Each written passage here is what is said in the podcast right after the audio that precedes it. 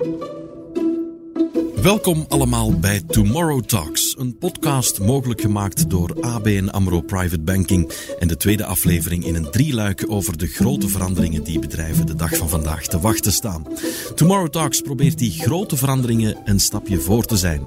We nodigen telkens een bedrijf uit, een expert uit het veld en specialisterzaken van ABN AMRO Private Banking die ter plekke de challenges van de onderneming vertalen naar oplossingen. We hadden het in een vorige podcast al over de duurzame energietransitie. Een tweede thema waar we niet omheen kunnen is digitalisering. Voor we het weten zal deze podcast gemaakt worden door artificiële intelligentie en zullen bots ons dagelijks kruisen op de werkvloer. Maar voor we zover zijn, zal ik het fysiek met mijn gasten vandaag rond de tafel bespreken. Hoe proberen bedrijven hierop in te spelen? Hoe anticiperen ze op die digitale transitie? En vooral welke vragen heeft het bedrijf zelf voor onze experten? U hoort het hier rond de tafel in Tomorrow Talks. Ik ben hier in het goede gezelschap van David Kemps, gespecialiseerd in trends en innovaties binnen de maakindustrie bij ABN AMRO. Ben van Rozen, manager manufacturing bij Agoria. En natuurlijk ook Johan Potarjan, CEO bij AMS Robotics, specialist in robotisering en automatisering. Welkom heren. Dankjewel. Ik richt me even tot onze twee experten rond de tafel. Voor de duidelijkheid, uh, David en Ben, stellen jullie jullie zelf misschien kort eens even voor. David, we zullen bij jou beginnen. Ik werk bij de ABN AMRO en daar ben ik de sectorspecialist voor de industrie. Ik spreek met heel veel ondernemers over de ontwikkelingen binnen hun eigen branche. Of het nou de metaal is, de kunststof is of de chemie is. En wij als bank proberen daar van te leren. Om te horen wat de behoeften zijn van de ondernemers. En dat terug te vertalen in onze uh, diensten en producten. Ben, wat moeten we over jou weten? Ik ben manager manufacturing industries, zoals je zei, bij Agoria, federatie van de technologische sector. Technologisch geïnspireerde bedrijven samenbrengen eh, rond diverse topics. Eh, om hier het voortbestaan in ons land ook mee te bezorgen, te verzorgen met een mooi team van collega's. Onze doelstelling is de industrie koesteren, omarmen, verankeren, maar vooral ook versterken. En wij doen dat binnen Agoria op diverse domeinen, van digital en telecomindustries, gaande tot building technologies, mobility en vehicle manufacturing en dergelijke meer. Johan, uh, ja, voor een leek, wat doet AMS Robotics precies? We hebben AMS Robotics opgericht in 2006. Maar de geschiedenis van mijn eigen gaat vroeger terug. En als ik zeg de geschiedenis aan robots en automation, dat was al een voorliefde. En ik heb het geluk gehad in 1982 te starten als robotprogrammeur. En die machine die gaat u straks terugvinden in Zweden in het museum. Oké. Okay. Uh, of die is al, al enkele jaren. En dat was eigenlijk de eerste robot in de wereld die op dat moment robot mocht genoemd worden, die geprogrammeerd werd. Begin jaren 80. 1982. Kijk eens aan. Dus uh, op dat moment was al in de, de, eerste intrede van robots in de markt. Ik kom dan wat later terug in de geschiedenis en dan 2006 hebben we inderdaad AMS, AMS Robotics opgericht. En in eerste instantie was dus AMS volledig gefocust op alles wat te maken had met automatiseringsprojecten binnen de automotive. Um, de belangrijkste klanten uit die periode zijn altijd geweest Volvo, Porsche, Audi, Mercedes en BMW. Rond deze vijf klanten, wereldwijd, gevolgd en hun geholpen in hun automatisering.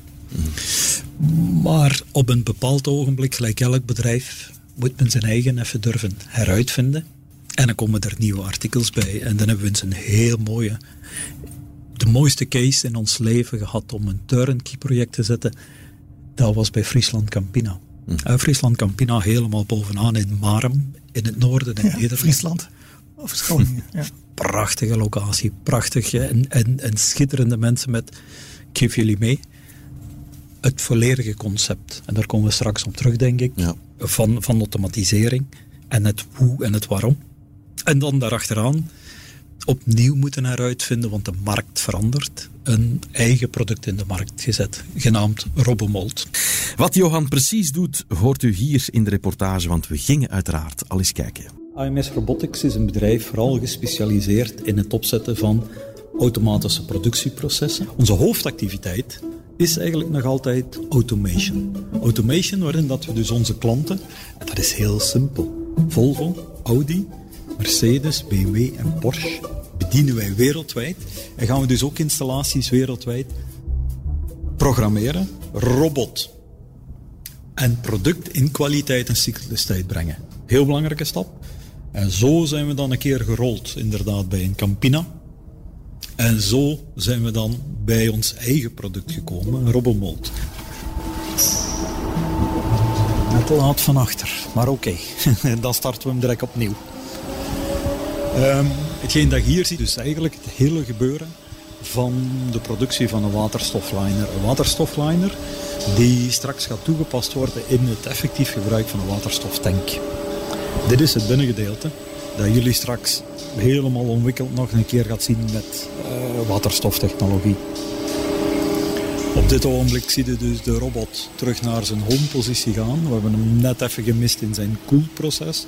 Dat kunnen we straks nog even opnieuw zien, als we dat willen. Het proces is dus nu eigenlijk, het systeem is dat wij intern gooien we daar een poedermateriaal. De robot gaat ermee bewegen. Die mal die gaat dus elektrisch verwarmd worden.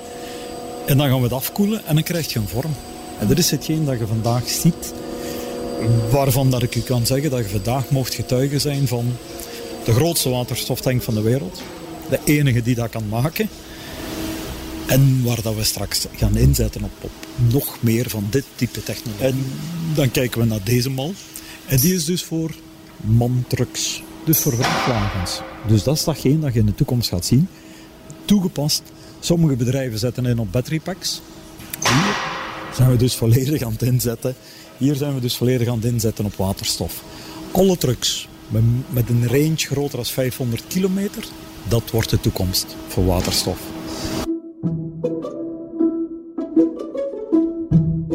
We zijn niet rond onze kerktoren bezig. De wereld is dankzij het internet en andere zaken is, is, is global geworden, is mondiaal. En dat gaan we meer en meer zien. En dat is een stuk mijn vrees van ook hoe gaan we in de toekomst om met lokale tewerkstelling. En we kunnen wel zeggen, ja, we gaan dat hier maken. Maar uiteindelijk, continuïteit van een bedrijf is winst. En daar zit een hele, hele contradictie soms van op welke manier kan men daarmee omgaan. Dus automatisering en data is de key. Interessant. Met AMS Robotics zijn jullie met uh, bijzonder innovatieve processen bezig en jullie maken daarbij ook terecht enkele kritische bedenkingen. We luisteren even naar het tweede deel van de reportage. Kijk, wij kwamen heel sterk vanuit een dienstverlenende organisatie, robot PLC-programmatie um, die support en kennis bieden aan de automotive. We hebben dat omgezet in een product, Robomold. Maar ook daar moet ik u terug zeggen, is het product eigenlijk maar de sleutel tot. Terug twee voorbeelden. Eén voorbeeldje is, met de technologie kan men vandaag heel gemakkelijk producten uit de zeebodem schrapen. Dat is een ander project dat we allemaal kennen, dat dat effectief loopt. Maar dat men dus uit het zeeafval aan het verzamelen is. Er is een techniek om die afval te versnipperen, terug te verpoederen. En die kan met onze techniek verwerkt worden. Tot een nieuw product. Een heel belangrijke stap. Is in andere kunststofprojecten en producten niet zo eenvoudig te doen. Als we praten over blow molding of injection molding, is dit praktisch niet realiseerbaar. Met onze techniek wel. Stap 1.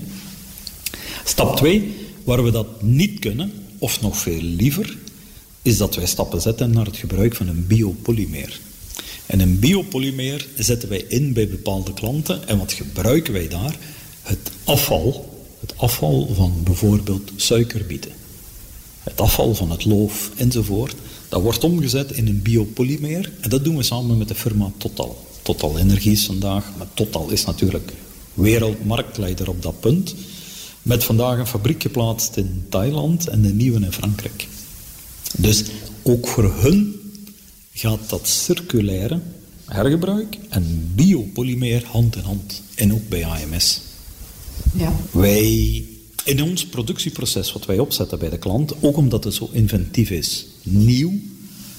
Uh, de eerste maal dat dit ook geautomatiseerd is, hebben wij ook gezien dat de enige mogelijkheid om tot een goed product te komen heel veel data is. Capteren. En data wil zeggen alle verwarmingstijden, alle drukken, uh, alle vacuummomenten, alles wat dat nodig is en dat elke seconde, dus per product, verzamelen wij op zijn minst 20.000 meetpunten.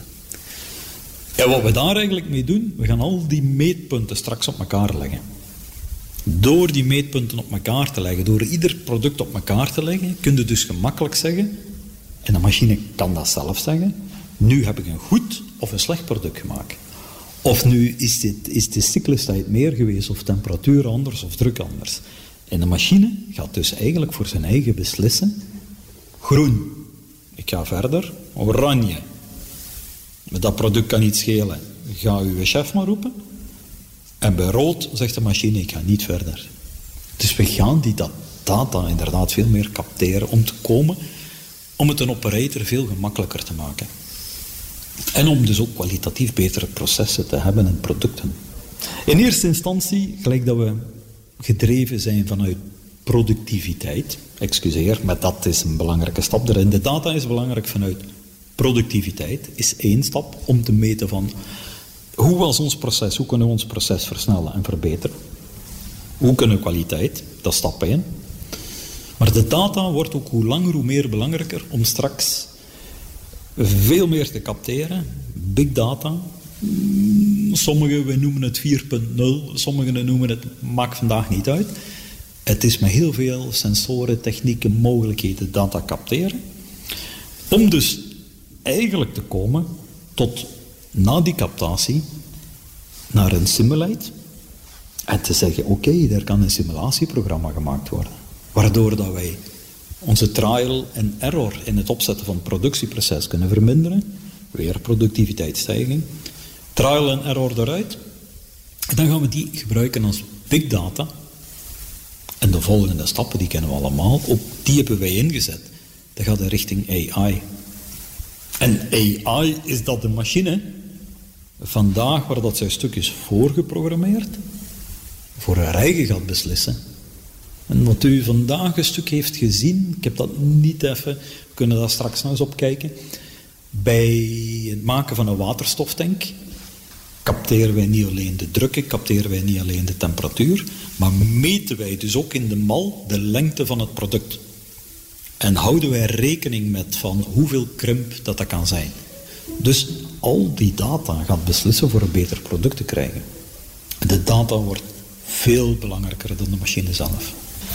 De machine is één ding, maar is maar de sleutel. De data, en daar zouden wij zeker ook in scholen, jeugd, opleiding, medewerkers veel meer stappen moeten kunnen zetten voor de toekomst. Ik uh, vat even samen volgende challenges. De machine is één ding, maar data is de sleutel. We moeten er veel meer stappen in zetten. Hoe kunnen we data meer beschikbaar maken en openstellen tussen verschillende bedrijven? Hoe kunnen we competitiviteit uh, aanmoedigen zonder op onze aparte eilanden te stranden? En AI loert om de hoek en zal een killer worden. Maar de robotisering moet in vele sectoren nog haar ingang kennen. Hoe brengen we dit aan de man? Ben, David, wat denken jullie als jullie dit horen? Kunnen jullie al met enkele adviezen komen? Johan en zijn bedrijf zijn natuurlijk een frontrunner. Uh, leading by example. We spreken over big data. En veel bedrijven zijn ook nog niet aan de slag met data. En er zijn eh, een aantal noodzakelijke ladders die men moet volgen. En er is ook een uitdaging voor een heel aantal van onze maakindustrie, denk ik. En wat zijn de eerste stappen die je zet? Eh, ik moet sensoren, ik moet dat capteren, ik ga dat, die data, ik ga dat visualiseren, ik ga dat nog een keer analyseren.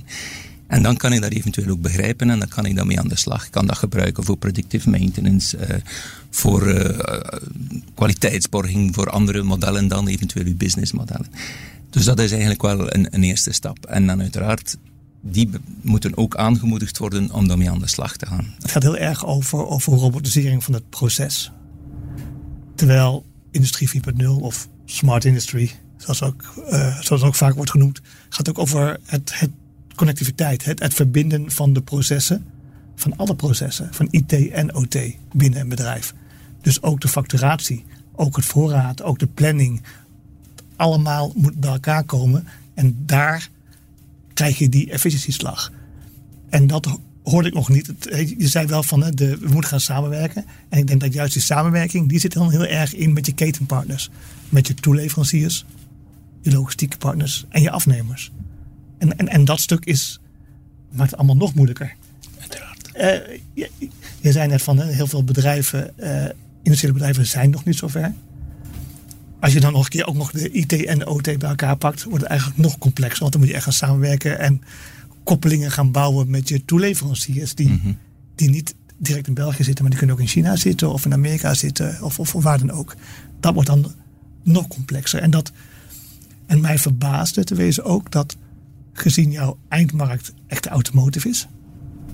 Nou, we kennen allemaal de automotive als super efficiënt, geregeld. eh, elke, elke, elke cent wordt omgedraaid daar. Eh, bijzonder dat je daar dan zo'n positie in kan pakken. David, volg u volledig. Inderdaad, even als we teruggaan. En we gaan naar twee zaken terug. De eerste vraag is eigenlijk. ehm, in de reportage komt inderdaad onvoldoende aan, aan, aan beeld dat eigenlijk die data niet alleen voor die machine had moeten zijn. Denk aan, aan de Campina case, als ik nog altijd naar die robots kijk. Wij konden zeggen welke robot de leverbon aan het maken was, bij wijze van spreken. Dus die de data aanleverde om de leverbon te maken. Of die de volgende heftruck afriep om de vrachtwagen te laden. Ja. Dus volledig mee akkoord. En daar zit nog een veel grotere stap.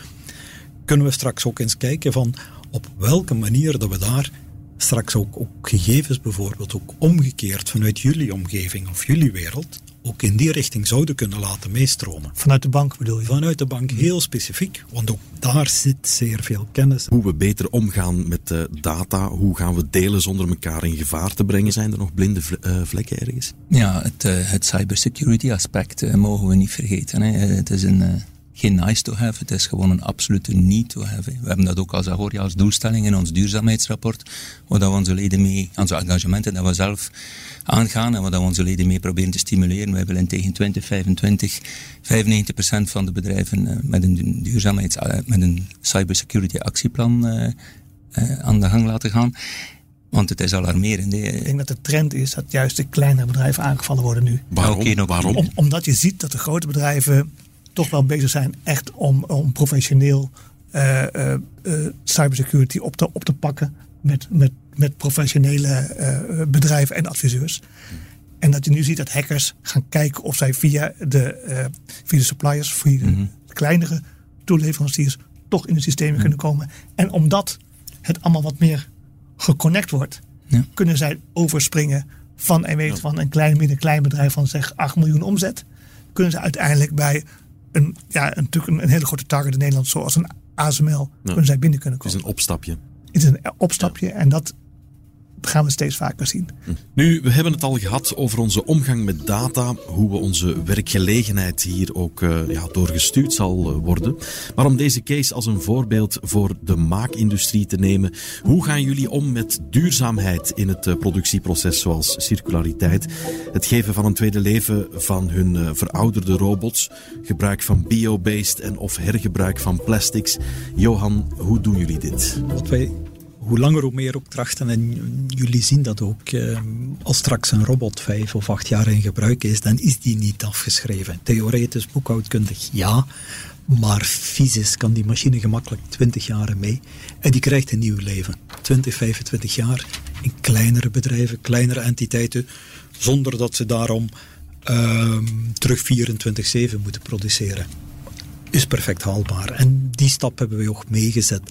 We hebben dat ook, eh, Elias, gezien heel sterk op een bepaald ogenblik, een aantal jaar geleden, nog veel meer dan nu. Met bijvoorbeeld het sluiten van een Opel Antwerpen enzovoort, waar dat er in één keer duizend robots op de markt komen. En die duizend, die komt er vandaag nog overal tegen. Dus voor alle duidelijkheid, nog vele bedrijven maken daarvan gebruik. Daar was niks fout. Maar dat gaat echt over materialen. We zitten hier natuurlijk meer over digitalisering. Ook digitalisering heeft ook duurzame aspecten in zich. Ik denk door goed gebruik te maken van data, door je, door je eh, processen goed op elkaar af te stemmen, ga je gewoon zorgen voor minder afval, voor minder waste. Lagere faalkosten ook direct. Ik denk dat je ook minder energie verbruikt. Volgens mij, eh, jouw rotomold eh verbruiken aan zich al minder energie dan dat je het met een, met een andere technologie zou doen. Dus ook alleen al door het digitaliseren zorg je al voor een verhoogde duurzaamheid. Eh, door het gebruik van sensoren. eh je zei zelf ook al net van hè, de eh, predictive maintenance. Daardoor kan je in wezen kijken wanneer een product gaat haperen. En kan je wezen tijdig, voordat er een stilstand is, kan je het uh, bepaalde onderdelen vervangen. Uh, terwijl bij periodiek onderhoud worden gewoon elke zes maanden wordt gewoon alles vervangen. Nou, dat is natuurlijk heel veel, heel veel afval. Eigenlijk helemaal voor niks. Want het zijn vaak wel gewoon hele goede onderdelen die vervangen worden. Dus dat is ook een onderdeel waar je eigenlijk door die sensortechnologie uh, minder, minder afval hebt. En daarnaast denk ik van, als we nu gaan kijken naar de echte de, de ontwikkelingen die er nu spelen heb je het over ketenverantwoordelijkheid, circulariteit, een, een, een materialenpaspoort. Dat zijn allemaal dingen die, die worden gevraagd daar door, de, door, door heel veel uh, eindafnemers. Dat moet je op een of andere manier kunnen vastleggen. En die, en die digitalisering gaat daarvoor zorgen dat je, dat je kan gaan vastleggen wat is nou de herkomst van zo'n uh, uh, van zo'n machine of van zo'n materiaal. Dus ook daar is die datakant heel erg belangrijk in. Ik denk dat het, het bijna een dat, dat digitalisering bijna een voorwaarde is om te komen tot circulariteit. Een voorwaarde is om, om, om duurzaam te, te, te kunnen opereren. en het, andere woord dat we niet hebben genoemd is servitization. Mhm. Het meer product as a service. Waarom zou je nog een product verkopen? Want je ziet ook dat heel veel afnemers op dit moment ja, ook niet meer dat bezit willen hebben. Mhm. Waarom zou ik al die cd's willen hebben als ik het gewoon kan streamen? Mhm. Waarom zou ik een, in Nederland heel bekend, uh, waarom zou ik een fiets willen hebben als ik gewoon via een swapfiets dat voor, uh, voor een paar euro per maand uh, in mijn bezit kan hebben. En als ik een lekke band heb, dan bel ik even en dan wordt mijn lekke band gerepareerd. Hm. Dus dat bezit is ook, hè, voor, in ieder geval voor de, voor, voor de nieuwe generatie, is dat bezit allemaal niet meer zo'n zo'n uitgesproken zaak. En daar kan je ook aan denken van, je product moet wel heel slim zijn gemaakt met, met sensoren om dat te kunnen aanbieden als een product, als een service. Want je moet wel als eigenaar weten wanneer je zo'n product kan vervangen of wanneer zo'n product kapot is. Dus we zien heel veel, heel veel digitalisering is eigenlijk nodig, eigenlijk de voorwaarde om te komen tot, uh, tot duurzaamheid en, uh, en recycling. Oké. Zoals we weten hebben we het in ons land uh, helemaal niet uh, gemakkelijk. Uh, ik noem het altijd onze warriors, onze, onze strijders, de, de, mensen die de maakindustrie hier houden. ze hebben de uitdaging van loonkost, van onderzoek en ontwikkeling, die toch heel belangrijk is. En de battle rond energie en de betaalbaarheid. En dan vooral talent. En rond onderzoek en ontwikkeling denk ik dat een heel cruciaal is dat we in eigen huis houden. En dat is ook de reden waarom dat Johan zo performant is, denk ik, met zijn bedrijf. Eh, het is belangrijk dat we daar kunnen en blijven op inzetten. Niet alleen binnen het bedrijf zelf, maar ook uh, samen met andere bedrijven, omdat je daar dan mooie dingen kunnen rondop doen. Maar daar uiteraard moet er dan uh, talent en op talent ook zwaar ingezet worden. En ook daar moet er gekeken worden binnen bedrijven, misschien zelfs ook partneren met anderen, waarin dat je rond bepaalde competenties toch kijkt van oké, ik heb hier een aanbod die misschien voor uw bedrijf ook interessant kan zijn, voor uw mensen. Je moet er dan opletten met uh, het afhuren van mensen en dergelijke meer. Maar er zijn zeker wat uh, uitdagingen. En dan ja, het competitiviteit en het robotiseringsaspect. We hebben daar recent ook een studie rond gemaakt bij Ahoria. Um, robotisering is een, is een middel en is een middel om u te helpen in deze zeer harde wereld in België, eh, op gebied van eh, maakindustrie vooral. En, en dat kan u helpen. We hebben sowieso handjes tekort. Hè. Een studie van ons heeft uitgetoond dat we tegen 2030 600.000 handen tekort gaan komen. Dus eh, je moet die aan invullen en dat kun je doen door automatisering. En dat kan helpen in een heel aantal middelen. Dus uh, het helpt u competitiever zijn en uw bedrijf hier op langere termijn mogelijkst te verankeren. Eerder een partner dan een bedreiging. David en uh, Ben, een paar nuttige tips die jullie willen meegeven. David, we beginnen bij jou. Jazeker. Um, zoals we net al besproken hebben, ik denk dat de digitalisering uh, niet enkel draait om efficiëntieverhoging of verhoging van arbeidsproductiviteit. Ik denk dat het ook is dat je hogere kwaliteit gaat, uh, gaat, gaat, gaat opzetten. Je, je voorkomt veel fouten lagere faalkosten.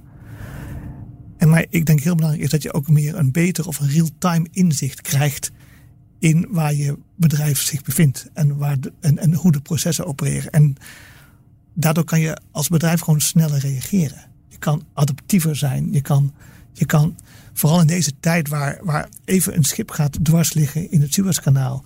Eh, of de oorlog uitbreekt of corona uitbreekt. We hebben wat voor onze kiezer gehad. En als jij geen real-time inzicht hebt in de processen van je bedrijf, ben je gewoon altijd te laat. Ben je per definitie te laat. En kan je niet meer sturen qua voorraden, qua, qua je productie, je mensen. Hè. Eh, heel veel mensen zijn natuurlijk ziek geweest tijdens corona was veel verzuim. Hoe ga je daarmee om? En daar is digitalisering is daar echt, echt een oplossing voor. Dus dat vind ik een hele belangrijke, dat je dat op die manier ook gaat kijken naar, uh, naar snel reageren. Ik had nog eentje andere opgeschreven, is personeel. Ben noemde het al net, een, een groot tekort is er nu al zowel in Nederland als in België. Ik denk ook dat een bedrijf zich aantrekkelijker maakt voor uh, jong personeel door eigenlijk ook repeterende bezigheden te automatiseren. En te zorgen dat eigenlijk de mensen kunnen doen waarvoor zij, waar zij in het beste zijn, het creatieve proces. Dus ik denk dat ook daar digitalisering echt in gaat helpen om te zorgen dat je ook een aantrekkelijk bedrijf bent. Nu maar vooral in de toekomst. En ik denk dat dat heel erg, eh, heel, heel erg belangrijk is. Je hebt ook een bepaalde innovatiecultuur nodig. En dat, ja, dat, ik denk dat digitalisering uh, daarvoor kan zorgen. Oké. Ben?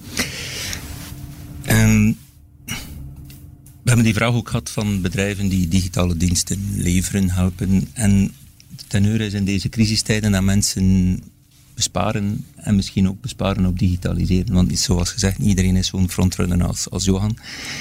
Maar dus is heel belangrijk om te blijven investeren in digitalisering. En daarbovenop inderdaad wel de uitdaging van ja, keep it simple. We moeten niet digitaliseren om te digitaliseren. Een, een, het is een middel. Get your basics right. Dat is ook wat dat soms gebeurt. Mensen gaan verkeerd aan de slag. Doe u stap voor stap. Hou het simpel.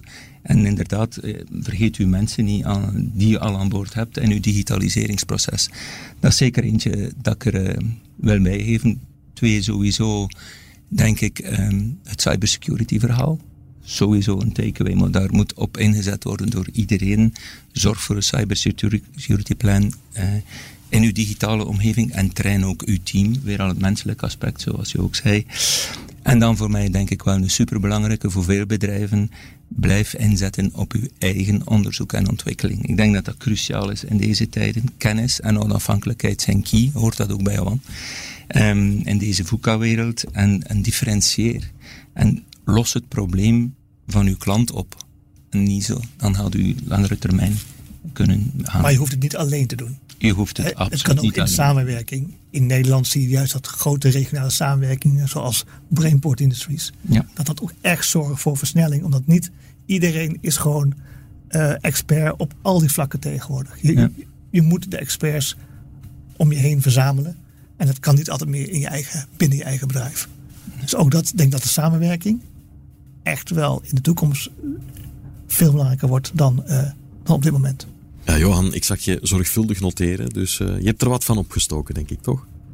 Ik denk, ik denk dat het weer een zeer leerrijke namiddag was. En dan moet ik jullie dat durven bekennen. Bij mij zit de focus meestal zeer sterk op techniek, zeer sterk op innovatie. Um, we trachten ons personeelsbeleid en ons mensen en medewerkers daarmee af te stemmen. In de mate dat ons dat altijd lukt.